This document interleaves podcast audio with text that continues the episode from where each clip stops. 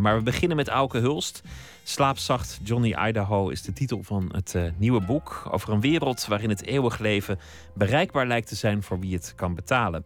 De bedrijven zijn er de baas. Privacy is iets uit het verleden. Wat ook mee is gekomen uit onze tijd zijn Al-Qaeda en goed nieuws, de jazzmuziek. Het is uh, zijn vierde roman. Zijn vorige Kinderen van het Ruige Land was een, uh, een, groot succes. Een autobiografische roman was dat over zijn jeugd in Denemarken-Groningen, een van de gaswingebieden. Auke Hulst werd geboren in 1975 in Hoge Zand. Hij is schrijver en muzikant. Welkom, uh, Auke Hulst. Ja, dank je. Ik wilde beginnen met het, het nieuws van vandaag. dat was, er was veel nieuws, maar dat was onder meer dat er een rapport is verschenen um, van Oxfam waarin staat dat in 2016 het zover zal zijn dat de allerrijkste 1% van de wereldbevolking. De helft van de wereld bezit. Ja, het kwam er eigenlijk op neer evenveel vermogen heeft als de rest. Ja. Dus, uh, dus die, die 1% heeft dan uh, niet evenveel inkomen, maar in ieder geval evenveel uh, op de bank staan als de andere 99%. Het andere nieuws was dat zowel de Europese Commissie als Barack Obama onmiddellijk zei van we gaan de belasting verhogen.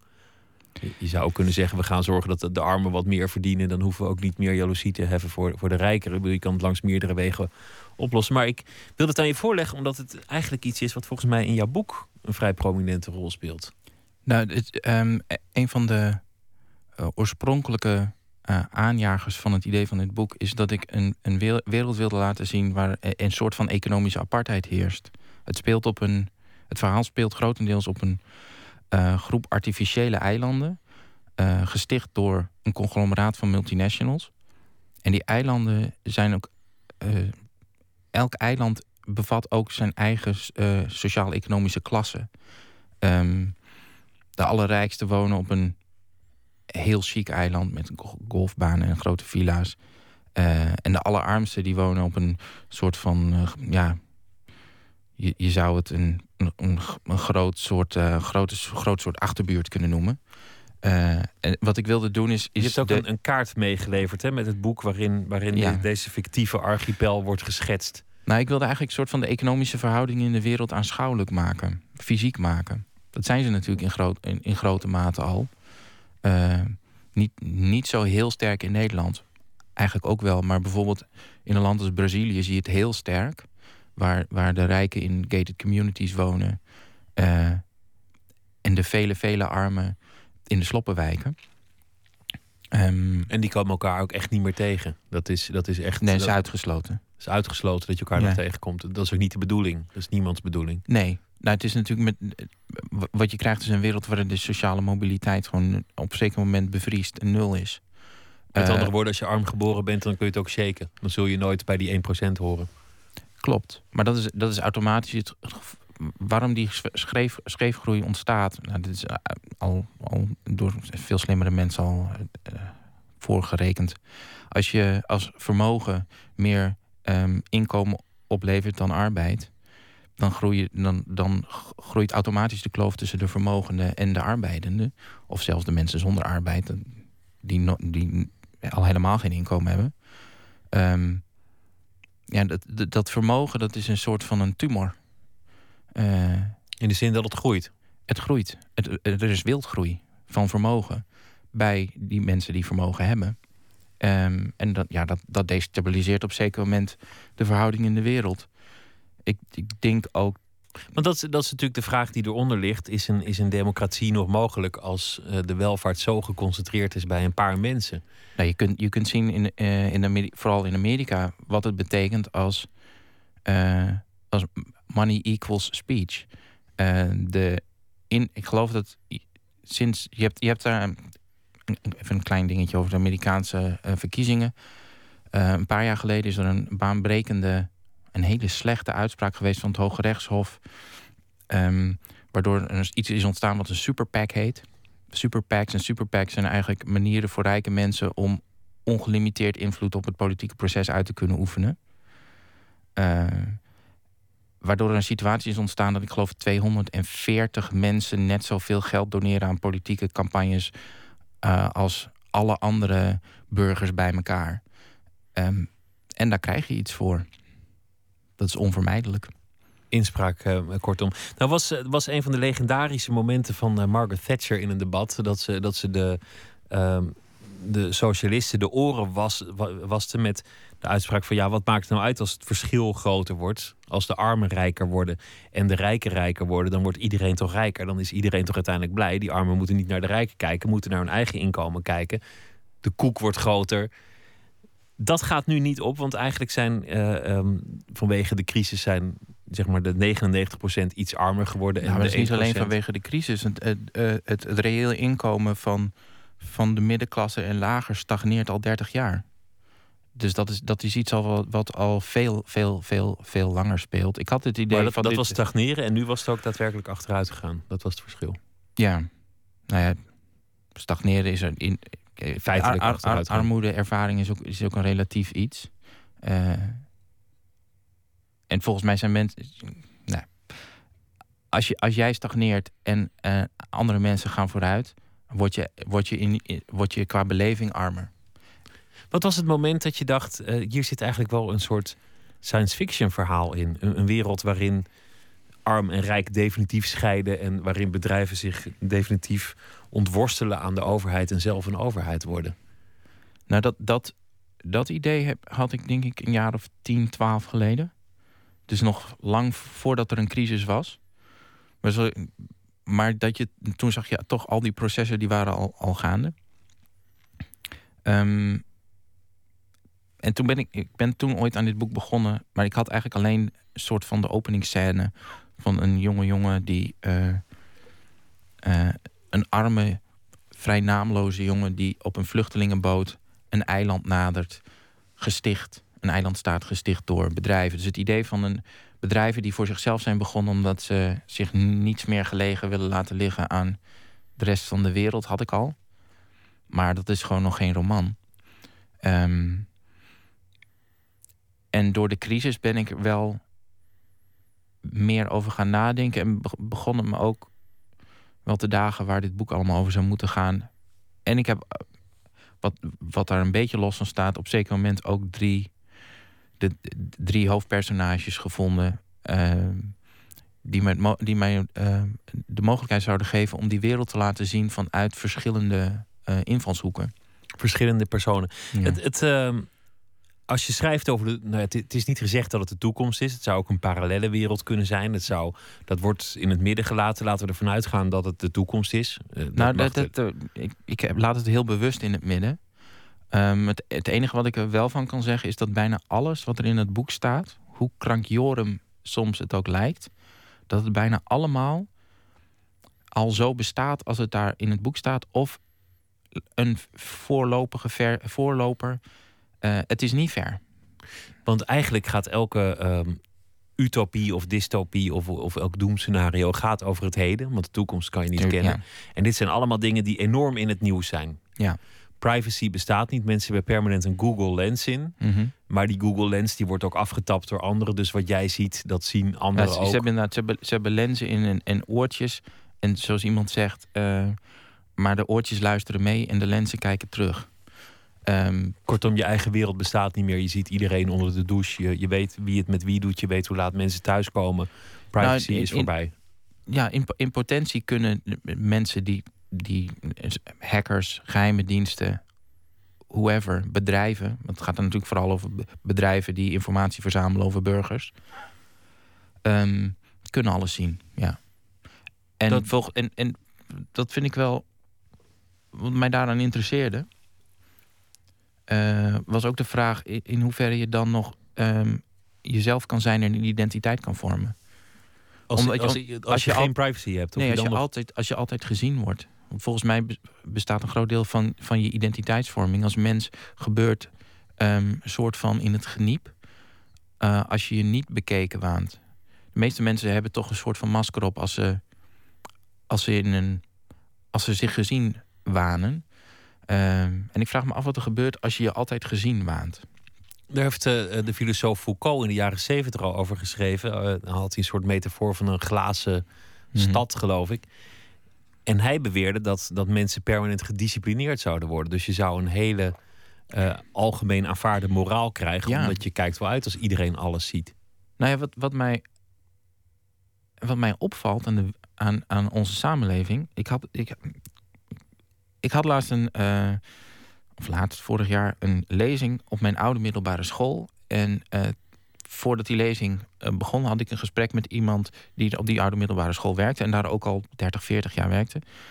en ik vroeg, ik vroeg me af, oké, wat, voor, wat voor kinderen krijg ik nu voor mijn neus? En hoe ze, welke leraren werken daar nog? En zij zei tegen mij: Nou, verwacht niet het soort leerlingen dat jullie zelf zijn geweest. Um, leerlingen zijn veel eenvormiger geworden en veel minder brutaal. En uh, hetzelfde geldt voor de leraren. Er is eigenlijk geen ruimte meer voor characters. Um, er is al een soort van gelijkschakeling gaande. Maar dan een rare paradox is. We hebben aan de ene kant het idee dat we, dat we heel individualistisch zijn. Dat alles kan. Maar ondertussen zijn we ons de hele tijd aan het conformeren aan de verwachtingen van de mensen die naar ons kijken. En dat gebeurt dan via social media met het duimpje in de lucht? Of, Heel sterk, ja. Of door de hele dag te kijken naar wat anderen doen. Het is eigenlijk ook identiteitsvorming. Ja, maar dan wel identiteitsvorming in de, in de uh, laat ik zeggen, de. Uh, het is meer kopiëren dan uh, daadwerkelijk jezelf vinden. Het klinkt misschien een beetje zweverig. Um, Iemand zei laatst tegen mij: ja, wat er eigenlijk aan de hand is, is dat we, uh, dat, we, dat we permanent in de kinderstaat blijven steken, omdat kinderen veel meer bezig zijn met wat anderen van ze vinden. En uh, die kracht om jezelf te zijn en je daar niet meer zoveel van aan te trekken, die zijn we ook in het volwassen leven aan het kwijtraken. Een permanente adolescentie uh, ja. eigenlijk. Andere dingen uit onze tijd komen ook terug. Nou ja, de, de, de crisis, de macht van bedrijven en banken. Het gebrek aan moraal in de financiële wereld komt heel grappig terug.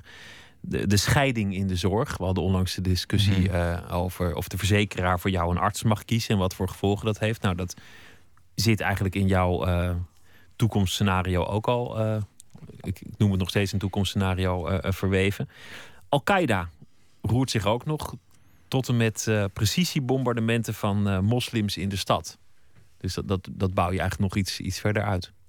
Nou, um, de, de precisiebombardementen, de, de precisiebombardementen die worden aangehaald, zijn juist op moslims. Maar ja, dat bedoel ik. Ja. Op, uh, precisiebombardementen op, op, op moslims, ja. ja. Niet van moslims. Oh uh, ja, nee, dus ik, uh, het bombarderen van moslims kan... Ja, je hebt gelijk. Ja. Um, wat is je vraag? nou ja, hoe ben je te werk gegaan daarin? Heb je, heb je de krant gelezen en gedacht van... nou, dit, dit is aan de hand, dit is aan de hand? Of ben je gewoon somber over de toekomst en denk je dat, dat dit, het, dit het wordt? Ik heb heel, heel veel research gedaan. En um, ik heb dit boek wel een beetje op een rare manier geschreven. In de zin dat ik soort van twee schermen open had staan. Een heel groot scherm waarop ik aan het schrijven was. Um, ik vind het sowieso moeilijk om heel lang geconcentreerd te schrijven. En ik zoek altijd afleiding. Maar ik had mijn laptop openstaan. Op, meestal op Twitter trouwens. En daar komt dan ook de hele tijd allemaal nieuws tevoorschijn. Uh, maar gek genoeg ook heel veel nieuws dat direct uh, reflecteerde op wat ik aan het schrijven was. Dus dit was een soort van het perfecte boek om met Twitter open te schrijven. Ja, maar ik heb vooral heel veel research gedaan. En, um, maar, dat, maar zoals ik al zei, het basisidee bestaat, had ik al 10, 12 jaar. Uh, dus de, de contouren van het boek stonden al, maar de, om zo'n wereld te bouwen heb je heel veel uh, detail nodig. Er is ook heel veel detail wat uiteindelijk niet in het boek staat, maar wel wat je als schrijver nodig hebt om die wereld te kunnen begrijpen. Um, ja. En uiteindelijk wat, wat de mens zoekt in de vooruitgang, wat, wat we uiteindelijk uh, hopen te overwinnen, is in essentie toch de dood, het eeuwig leven, de, de jeugd. Er was, was um, een paar weken terug de notitie van Jet Bussemaker over de, de wetenschap, wat die moet doen voor ons, wat de mhm. samenleving vraagt van de wetenschap. En een van de punten die daar ook tussen stond was uh, veroudering en langlevendheid als speerpunt van de wetenschap. Ook dat zit heel prominent in het boek, want dat is uiteindelijk waar de mens in de toekomst op hoopt dat je dat eindelijk kan afschudden. Nou, misschien moet ik voor de luisteraar even, even iets vertellen over het verhaal dan. Um, het gaat, over, het gaat over, uiteindelijk over drie figuren. Het is een Amerikaanse jongen die iets heel ergs heeft meegemaakt. En ik verklap niet wat. En die komt naar de archipel, zoals die wereld heet. Um, eigenlijk op een wraakmissie. het gaat over een Nederlandse bankier die ernstig ziek is, maar wel heel veel geld heeft. En dat geld heeft geïnvesteerd in het onderzoek van de derde, van de derde hoofdfiguur, een Japanse wetenschapster, uh, die werkt aan uh, onsterfelijkheid. Uh, en zij doet onderzoek naar een kwalachtig beestje dat overigens echt bestaat en echt onsterfelijk is.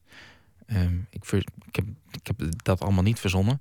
Um, en waarom ik dat interessant vond, is enerzijds om te laten zien hoe, die, hoe, de, uh, de, scheiding van de economische klasse zich ook manifesteert in de zorg.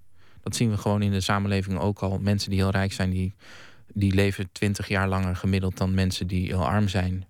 Uh, zelfs in Nederland. En verkeren veel langer in, in, goede gezondheid. Maar naarmate de, de, de, uh, de medische wetenschap vordert, worden die, ook die verschillen groter. Ik geloof dat Bayer aan een pil werkt, wat ze de kankerpil noemen. En ze hebben al aangekondigd dat ze het alleen aan rijke mensen willen verstrekken. Um, maar ik, vind het ook, ik vond het ook interessant als een soort van een symbool voor uh, een sense of entitlement. Uh, dat is iets wat ik in, in mijn research naar de uh, financiële wereld heel erg merkte.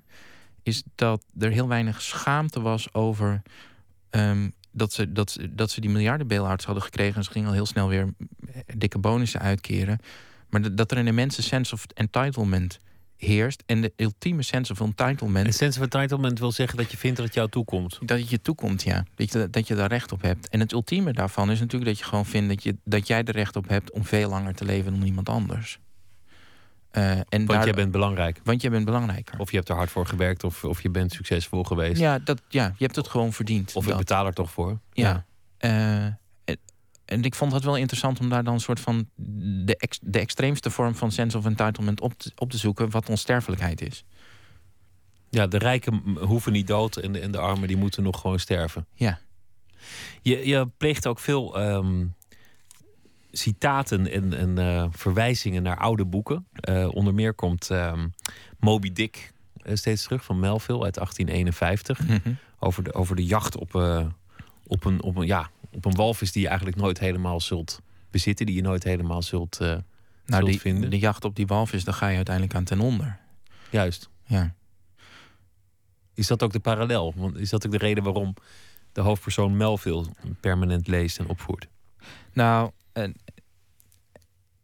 die, die jongen, die Amerikaanse jongen, die soort, ja, dit, een van de hoofdpersonen, misschien wel de hoofdpersoon van het boek. Um, ziet Moby Dick een beetje als een soort van model voor zijn leven. Hij is zelf op een wraakmissie en kapitein Ahab in Moby Dick is op een wraakmissie. Moby Dick heeft ooit het been, uh, het been afgebeten van kapitein Ahab. En kapitein Ahab die, uh, die tolereert die wereld uit balans niet. En die zal wraak nemen op Moby Dick. En gaat daar niet alleen zelf aan ten onder, maar sleept ook velen met zich mee in zijn wraakzucht.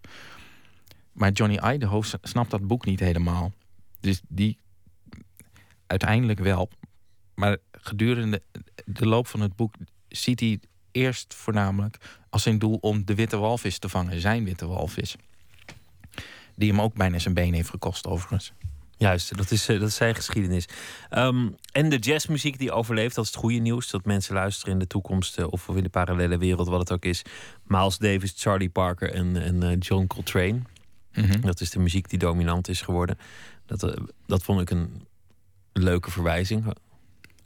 Laten we gaan luisteren naar hele andere muziek trouwens. Want ik wil nog veel meer dingen met je bespreken dan alleen het laatste boek. We gaan luisteren naar um, The National met het nummer I Need My Girl.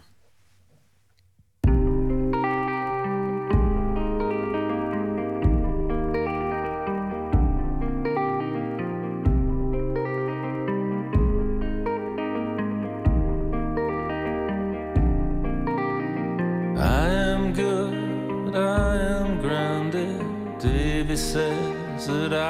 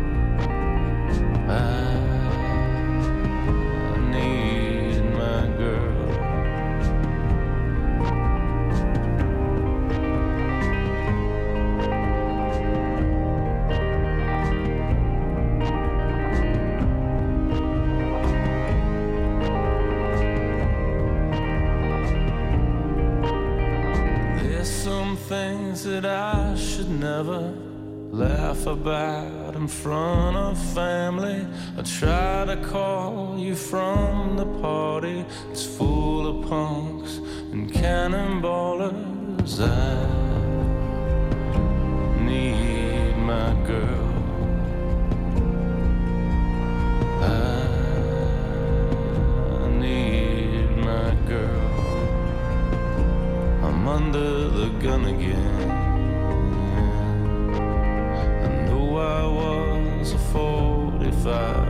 center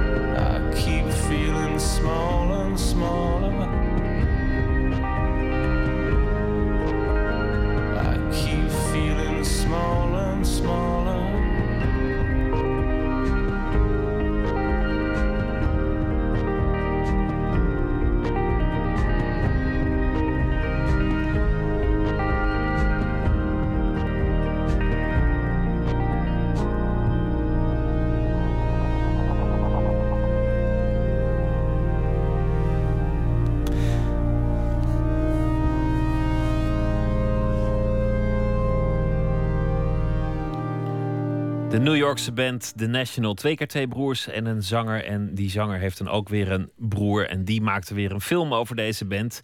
En dat werd eh, een van de beste films volgens sommigen ooit gemaakt over een band. Mistaken for, for Strangers. Een, eh, een aanrader. En het kwam eh, uit 2013 van het album Trouble Will Find Me. I Need My Girl. Nooit meer slapen in gesprek met Auke Huls... naar aanleiding van zijn eh, nieuwe boek Slaapzacht Johnny Idaho. Ik wil het hebben ook over eh, waar je vorige roman over ging. Kinderen van het Ruige Land, 1975 eh, ben je geboren. Je bent opgegroeid in eh, Denemarken, Groningen. Ik had nog nooit van de plaats gehoord. Het is ook heel, heel klein. Hoeveel inwoners hebben we het dan over? Nou, toen ik opgroeide waren het... Het, het was denk ik een huis of 15. Ja, het nummerde tot 15. Maar er waren ook een aantal boerderijen waar, ze, waar gezinnen met 10 kinderen woonden.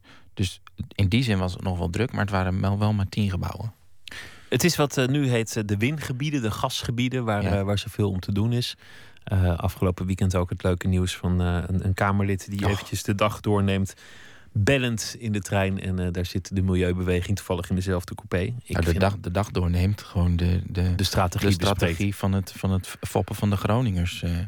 Ik vind het gewoon heel grappig als mensen. Ja, dat is, als automobilist moet je altijd lachen om dat soort dingen. Omdat je in je eigen auto natuurlijk gewoon iedereen kan bedonderen via het speakertje. Als je het maar hands-free doet. Maar goed, dat was het nieuws. Merkten jullie dat toen eigenlijk al? Trilde de grond? Nee, de grond trilde niet. Eh, tenminste, ik heb het nooit gemerkt.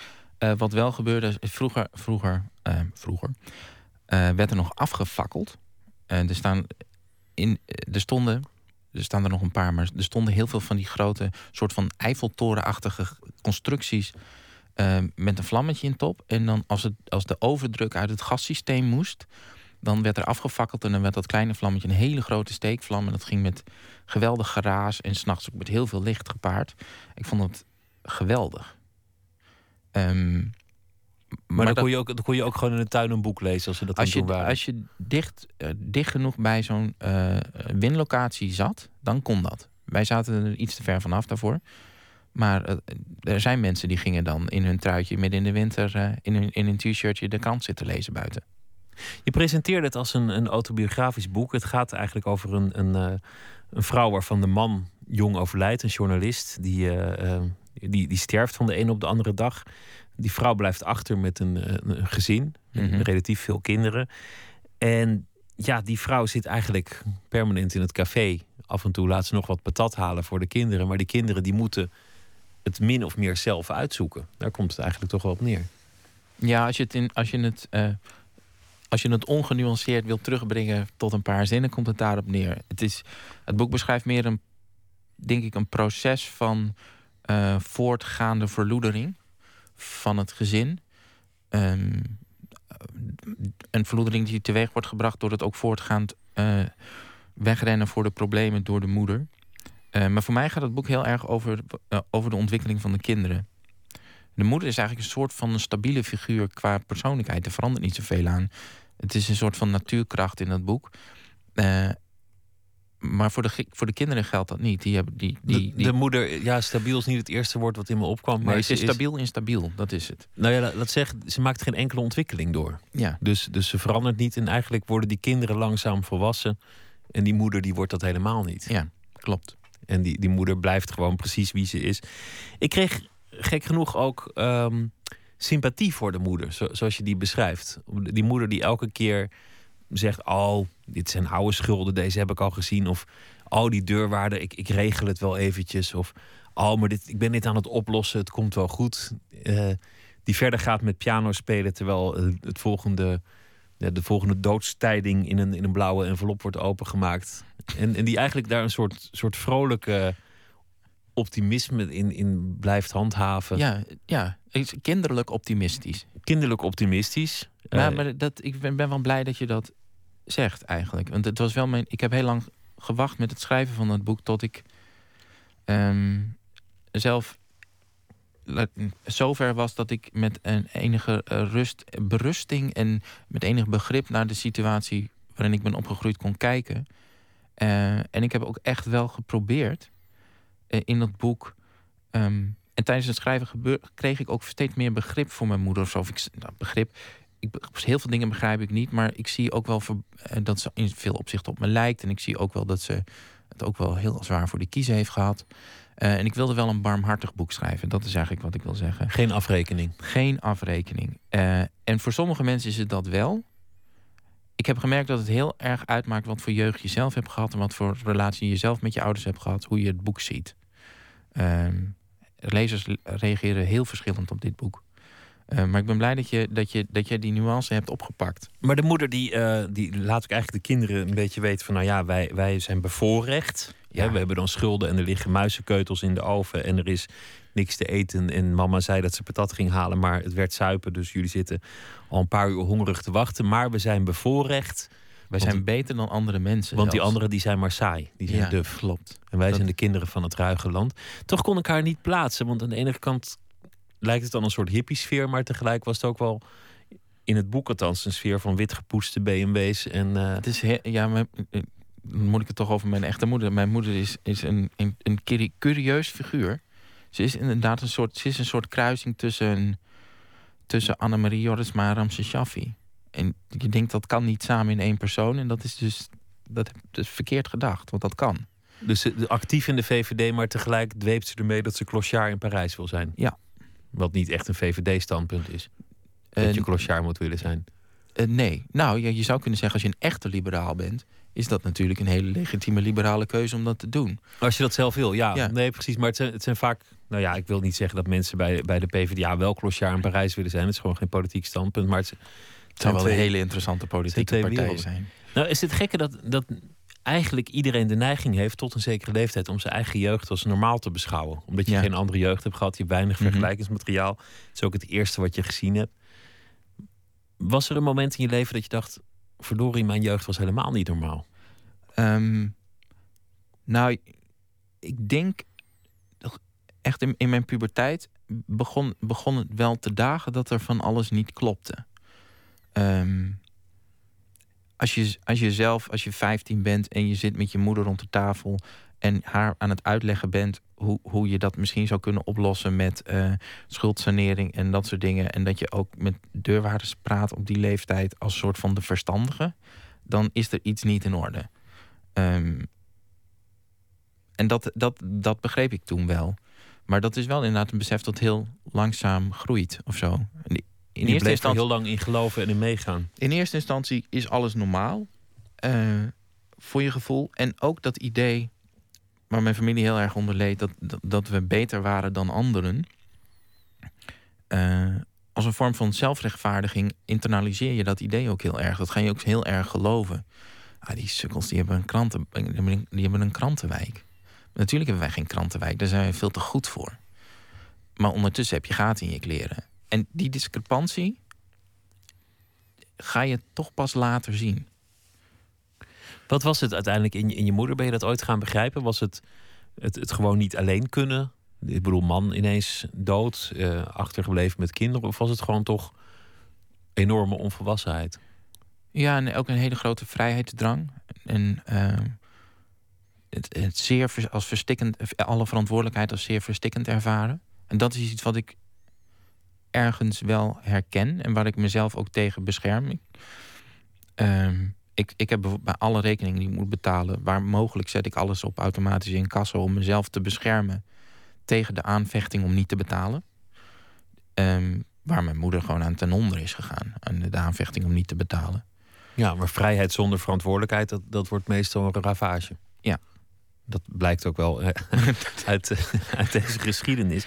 Je, je hebt ook een, een boek geschreven eh, waarin je reisverhalen eh, schrijft. En, en daarin ehm, begin je met een soort beschouwing over het nut van reizen. En een van de dingen die, ehm, die je daarin beschrijft, dat je op een gegeven moment in je leven volledig vastliep.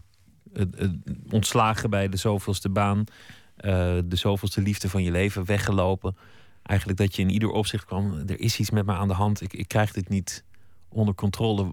Wat mankeert mij nou eigenlijk? Ja, nou ja, dat, dat is. Dat had voornamelijk toen met, met, met mijn relatie te maken. Ik zat een hele moeilijke relatie met- een, met een vrij ingewikkelde vrouw. Wat natuurlijk ook dan achteraf gezien ook niet zo heel gek is. Eh, Maar en, en daar liep ik. achteraf zijn de meeste gewoon Ja. ingewikkeld, toch? Ja. Ja. Maar goed. Maar ik liep inderdaad vast en eh, ik schreef toen heel veel voor Vrij Nederland. En er was echt werkelijk geen land met mij te bezeilen. En ik bleek ook dat ik de ziekte van Pfeiffer had, terwijl ik het niet wist. Er was er van alles met me aan de hand. Maar dat was wel het moment dat ik dacht: oké, ik kan dit nu allemaal buiten mezelf gaan zoeken. Van oké, die vrouw is moeilijk. En ik, ben, en ik heb de ziekte van Pfeiffer en daar kan ik ook niks aan doen. Eh, en, maar dat was het punt dat ik dacht: ehm, er is, het zit van alles ik functioneer zelf gewoon niet goed. En dan moet ik, dan moet ik eens streng naar gaan kijken en daar wat aan gaan doen. Ehm, en dat, dat is een lang proces. Eh, Je en- bent met een, eh, met een psych gaan praten.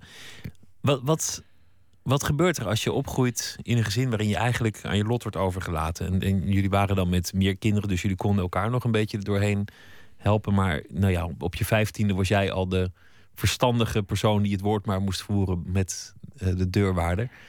Wat, wat heeft dat met je eigen ontwikkeling gedaan? Nou, er is heel weinig ruimte voor, vooral voor, voor een gezonde, rustige emotionele ontwikkeling. En dat is waar ik tegenaan liep. Dat mijn emo- emotionele ontwi- ontwikkeling, ja, die, die was gewoon on- onvolmaakt. En ik had een. eh, ehm, wat, er gebeurt is, je groeit dan op in, in wat ik existentiële onzekerheid en onveiligheid noem.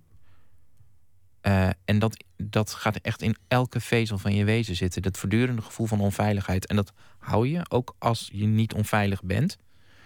Eh, je komt daar heel moeilijk van af. en daardoor heb je, ben je eigenlijk altijd een soort van nerveus en angstig. En ik was ook heel erg. Toen ik begon als journalist, was ik als de dood voor de telefoon. Wat buitengewoon onhandig is als je journalist bent. Soms moest ik iemand bellen. En zat ik echt ja, uren, soms dagen tegen te vechten om dat gesprek te voeren. Uh, dat, dat, dat is wat, wat er vooral met je gebeurt. Um, niet zo verwonderlijk, want het was natuurlijk ook niet veilig thuis. Ik bedoel, je wist niet hoe lang je in het huis kon blijven. Als iemand zei, ik, eh, ik ga wel eventjes uh, eten halen, dan kwam er geen eten. Als mama zei, ik, ik, ik ben er zo, dan was ze er helemaal niet zo. En, en je vader, daar kon hij dan even niet zo gek veel aan doen. Maar die, die nee, zei, ik ga even liggen, die was dood. Ja, nou dat is natuurlijk uiteindelijk de, de, de, de grootste vorm van onveiligheid voor een kind. Je, je, je moet ervan uitgaan dat je altijd op je ouders kan bouwen. En als de een dan uh, naar zijn werk gaat en nooit meer terugkomt omdat hij dood is, dat is wel. In zekere zin is dat een soort van het ultieme verraad. Ook al kan hij daar niks aan doen. Maar dat, dat is voor een, voor een. Voor elk idee van veiligheid is dan weg. In jouw uh, laatste boek komen eigenlijk alleen maar onthechte mensen voor. Die, die geen enkele relatie hebben tot anderen. En die ook allemaal permanent opgejaagd zijn. Ja. Om wat voor reden dan ook. En, en niemand die ooit een keer zich op zijn gemak voelt bij een ander. Klopt. Um, aan de ene kant is ik, ik, dat boek gaat heel erg over wat, wat zo'n wereld met ons zou doen. En wat volgens mij de, de, de wereld van de economische apartheid en de permanente surveillance met mensen doet, is dat ze, dat ze geïsoleerd raken. Zelfs als ze in de illusie, verkeren dat ze met, voortdurend met mensen in contact staan via allerlei. We worden steeds eenzamer.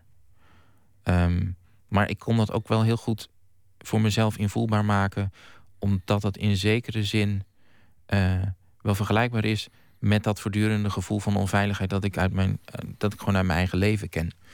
Um, en in die zin lijken die boeken eigenlijk wel op elkaar, al lijken ze helemaal niet op elkaar. Het zijn totaal andere boeken. Eh, je zou dit kunnen omschrijven als science fiction, wat in het boek over, nou ja, over je jonge jaren, het is natuurlijk een fictief boek, maar, maar wel uh, autobiografisch daar vlucht die jongen in aparte werelden. Mhm. Die zegt, we gaan een ruimteschip bouwen. Die leest de hele dag science fiction. Die is, is bezig met, met die science fiction uh, wereld. Dit zou je kunnen omschrijven als een science fiction boek. Was dat ook echt je vlucht? Een, andere wereld, een ruimteschip? Uh... Nou, ik kan wel zeggen, ik, ik, klinkt misschien heel pathetisch, maar uh, lezen. En toen ik tussen mijn twaalfde en mijn zestiende heb ik ongelooflijk veel science fiction gelezen en geschreven. Dat is echt mijn redding geweest. Um, dat was, eh, dat was een, wel een veilige plek om naartoe te gaan, de wereld van het boek. En ook een manier om iets van de wereld te proberen te begrijpen. Science fiction reflecteert heel erg op de wereld. Het gaat eigenlijk altijd over, de wereld waarin we nu leven. Uh, dus aan de ene kant is het escapist, escapistisch, en aan de andere kant geeft het juist heel veel houvast en heel veel inzicht. Uh, en als je dan zelf ook gaat schrijven, dan krijg je een soort van nog meer grip op de wereld. Want dat is de wereld die je zelf maakt. In, in je boek scheurt het jongetje op, op een gegeven moment zijn verhaal snel weg. Of hij wil eigenlijk niet dat de anderen erachter komen. En, en uh, een beetje geïnspireerd op Bukowski heeft hij verschrikkelijke puistjes. Die, die ook uh, ja, ontploffen als het ware. Dat het, dat het pus eruit stroomt op ja, verkeerde ik, momenten. Ik wou, ik wou, dat het gebaseerd was op Bukowski. Want dan... Het was echt zo. Oké. Okay. Nou ja, dat, dat, dat, hoort bij de tienerjaren. Maar een, een, grotere schande is toch als ze erachter komen dat je schrijft. Ja, schrijven, dat was echt voor meisjes. Ik, ja, ik, we, we, hebben het hier over, over het Gronings platteland. En uh, ik ging naar de middelbare school um, in Hoge Zand, wat een, ik zeg, een wat moeilijke, ja, middelgrote, middelgrote plek is. Uh, ook op een vrij moeilijke school.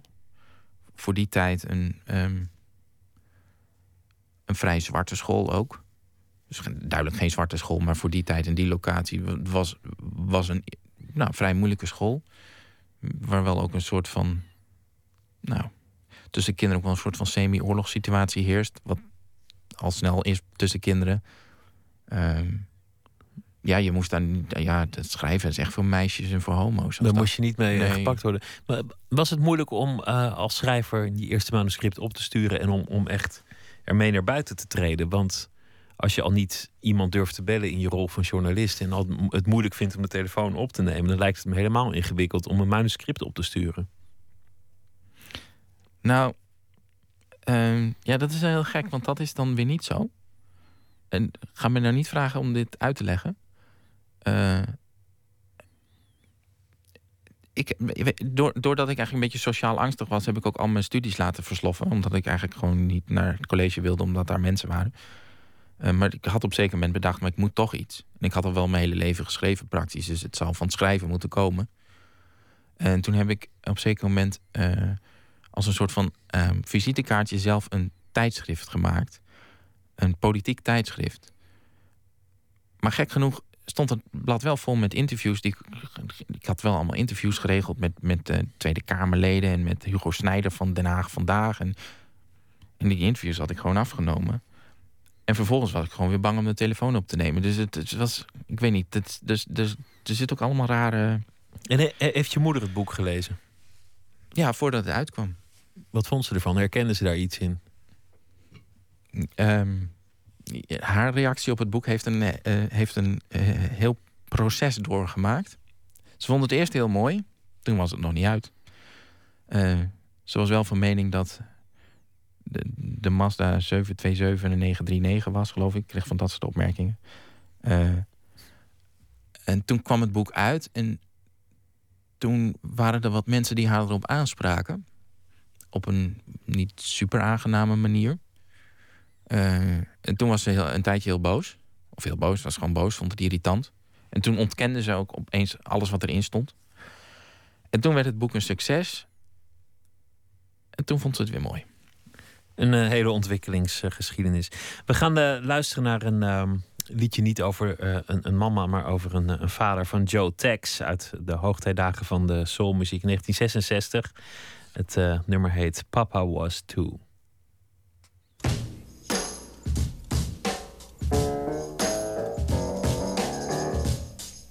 Tramp! All right, baby, you can call me that. My papa was. Cause I never did working from morning till night. And the money didn't seem to ever come out right. No, no. Papa was a train, but he was a lover too. So why can't I? Do like Papa do. Alright, like a Papa do. Yeah. Like a Papa do now.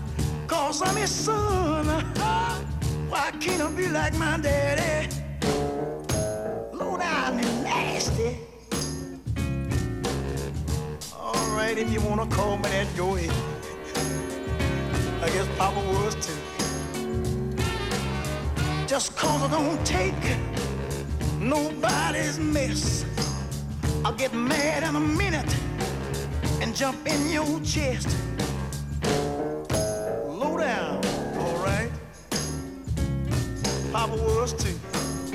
But he was a lover too. So why can't I do like my papa do? Alright, like a papa do now, like papa do. Cause I'm his son.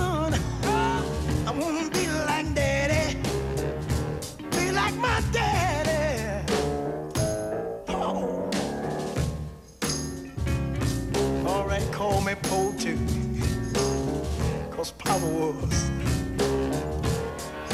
Yes he was. Just cause I got holes in both of my shoes. And I cover them holes with the daily news. Papa was poor. He was a lover too. So why can't I do like my papa do?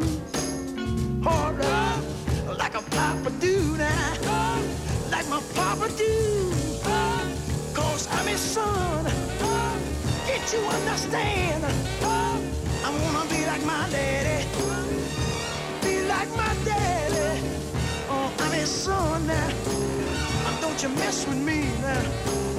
Just cause I wanna hang around and do nothing. Put newspaper in my shoes. I. Joe Tex, het was eh, de rivaal van eh, James Brown. Papa Was Too uit, eh, uit de jaren 60. Auke Hulst eh, zit hier. Eh, hij is eh, schrijver. We hadden het net over je moeder en het, boek wat je daarover hebt geschreven. Je bent naast schrijver ook muzikant. En eigenlijk ook soort van journalist. Althans, je maakt veel reisverhalen. Je schrijft recensies. Jouw vader, die zo jong stierf, die was radiojournalist. Ja, en eerst schrijvend journalist. Ehm, hij, hij is ooit begonnen bij de Telegraaf, geloof ik. Als, als schrijvend, als, als junior journalist. En hij heeft toen ooit nog eh, de, eh, de volksschrijver Gerard Dreven eh, geïnterviewd in, de psychiatrische, in de psychiatrische instelling van het Wilhelmina ziekenhuis in Assen. Kostelijk was dat. Ehm, maar hij is later radiojournalist geworden bij de Rono. Wat tegenwoordig is opgedeeld in RTV Noord, Omroep Friesland, RTV Drenthe en Omroep Overijssel. Of ik, ik weet niet precies hoe die omroep heet. RTV Oost, denk ik. Eh, heb je een beeld van hem? Want hij is, hij is natuurlijk eh, gestorven toen jij nog echt heel klein was. Ja, ik heb een paar beelden. Ik, ik, zie- ik zie vooral een man voor me die veel en veel te hard rijdt. Eh, veel te weinig slaapt. Ehm, eh, behoorlijk kan ontploffen. Ook heel liefdevol is. Twee pakjes ongefilterde sigaretten per dag rookt. Ehm, gewoon eigenlijk iemand die te hard leeft. Dat hoorde ook wel bij de journalistiek, eh, zeker in de jaren zeventig. Dat was, was de Ja. tijd van, van eh, de sherry bij de ochtendvergadering en de jenever bij de middagvergadering. En, en inderdaad heel veel roken. Als, als er niet boven jouw bureau een bruine vlek zat in het plafond, dan was je geen goed journalist. Ja. En Nou, heel veel ruzie maken. Ja, nou, dat was bij ons thuis. Waren er ook vrij veel bruine vlekken van het roken. Maar ook zaten er wat vlekken op de muren waar hij zijn koffiekopjes kapot had gegooid. Als hij, eh, als hij even boos werd. Een explosieve man. Ja. Heeft het iets met hem te maken dat jij en ik geloof ook je broer allebei ook de journalistiek min of meer in zijn gegaan? Nou, dat denk ik. Ja, dat vind ik een moeilijke vraag.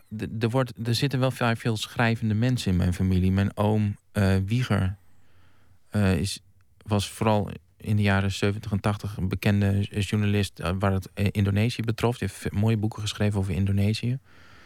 Eh, heeft ook met de Mujahideen in Afghanistan opgetrokken.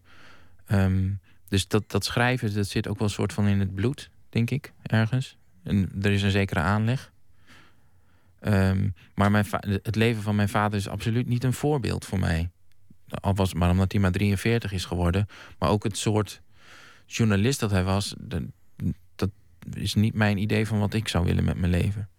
Nee, het klinkt ook niet als een voorbeeld. 43, dan betekent dat dat je, dat je over een paar jaar ouder bent dan hij ooit geweest is. Ja, dat klopt. Daar ben ik me ook wel bewust van. Ja, is dat een bijzonder moment? Nou, ja, dat denk ik wel. Ehm, mijn halfbroer, ik heb een halfbroer en die, die, is- die is inmiddels al 53 of 54 zelfs. En voor hem was het echt een. een, een dat was echt een ding. Ehm, ook omdat hij bang was volgens mij om het niet te halen. Maar er is een soort van rust over mijn halfbroer gekomen sinds hij de 43 voorbij is.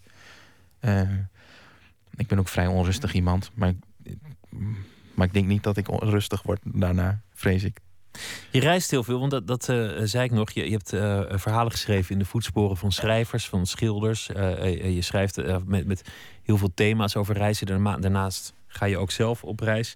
En ergens eh, wilde je gaan schrijven naar aanleiding van die reis naar Birma. Dat, dat reizen zo belangrijk is om jezelf beter te leren kennen. Waarom is dat? Nou, die reis naar, naar Burma, dat, ik was altijd heel erg ehm, anti-reizen. Dat was uiteindelijk een soort van zelfrechtvaardiging, omdat ik eigenlijk gewoon bang was om te reizen. Dat klinkt ook wel zo als je sociaal fobisch bent, dat je niet een makkelijke reiziger bent. Nee. Maar ehm, mijn broer die kwam al, al jaren in Burma. En die, die, die woont tegenwoordig ook in Burma, waar hij hoofdredacteur is van een Engelstalig tijdschrift. En hij had me op een zeker moment overgehaald om toch een keer met hem mee te gaan. En dat was echt een eye-opener van je welste. Ten eerste dat ik het kon, maar ook hoe ik behoorlijk goed kon functioneren in, in een reissituatie. En het prikkelde mijn, eh, het prikkelde mijn, mijn schrijverspieren nogal. Eh, ik zag de hele tijd overal verhalen. Eh, en ik, kan ook, ik vind het heel moeilijk om te reizen zonder te schrijven. Eh, ik heb een groot probleem met vakantie. Wat voor mijn vriendin vervelend is. Uh, want ik zie dan toch uiteindelijk weer. Ik zie dan toch weer een verhaal ergens. Maar dat is, dat is waarschijnlijk ook waar je eerder op doelde dat voor je identiteit het nodig is om af en toe anoniem te zijn. Als je reist, ja. ben je losgezongen van je omgeving. Als je niet de hele tijd je Facebook zit te updaten. Mhm. En dat betekent dat je elke denkbare identiteit voor een, voor een paar dagen kan aannemen. Ja, maar voornamelijk dat je volgens mij alle ehm, aangeleerde identiteiten voor je omgeving kan afleggen. En dat je die ene identiteit waarbij je, eh, waarmee je heel erg op je gemak bent kan aannemen. Ik heb niet de indruk dat als ik aan het reizen ben, dat ik heel veel verschillende mensen ben. Maar ik ben dan denk ik iets meer mezelf en rustiger. Ehm, ja. Dat boek uh, heet Buitenwereld Binnenzee. De reis als verhaal en het verhaal als reis. Met een, met een aantal uh, van die reizen bij elkaar gebracht. Auke Huls, dank je wel. Ik uh, noem nog de titel van het, van het laatste boek. Slaapzacht Johnny Idaho. En die is dit weekend verschenen. En een nieuwe cd uit met je band. Hoe heet je band ook alweer? Mijn band heet De Meisjes. En de cd heet Dr. Toestel. En er zit ook een boekje bij van... Nou, een boekje met muziekverhalen. Dank dat je te gast wilde zijn.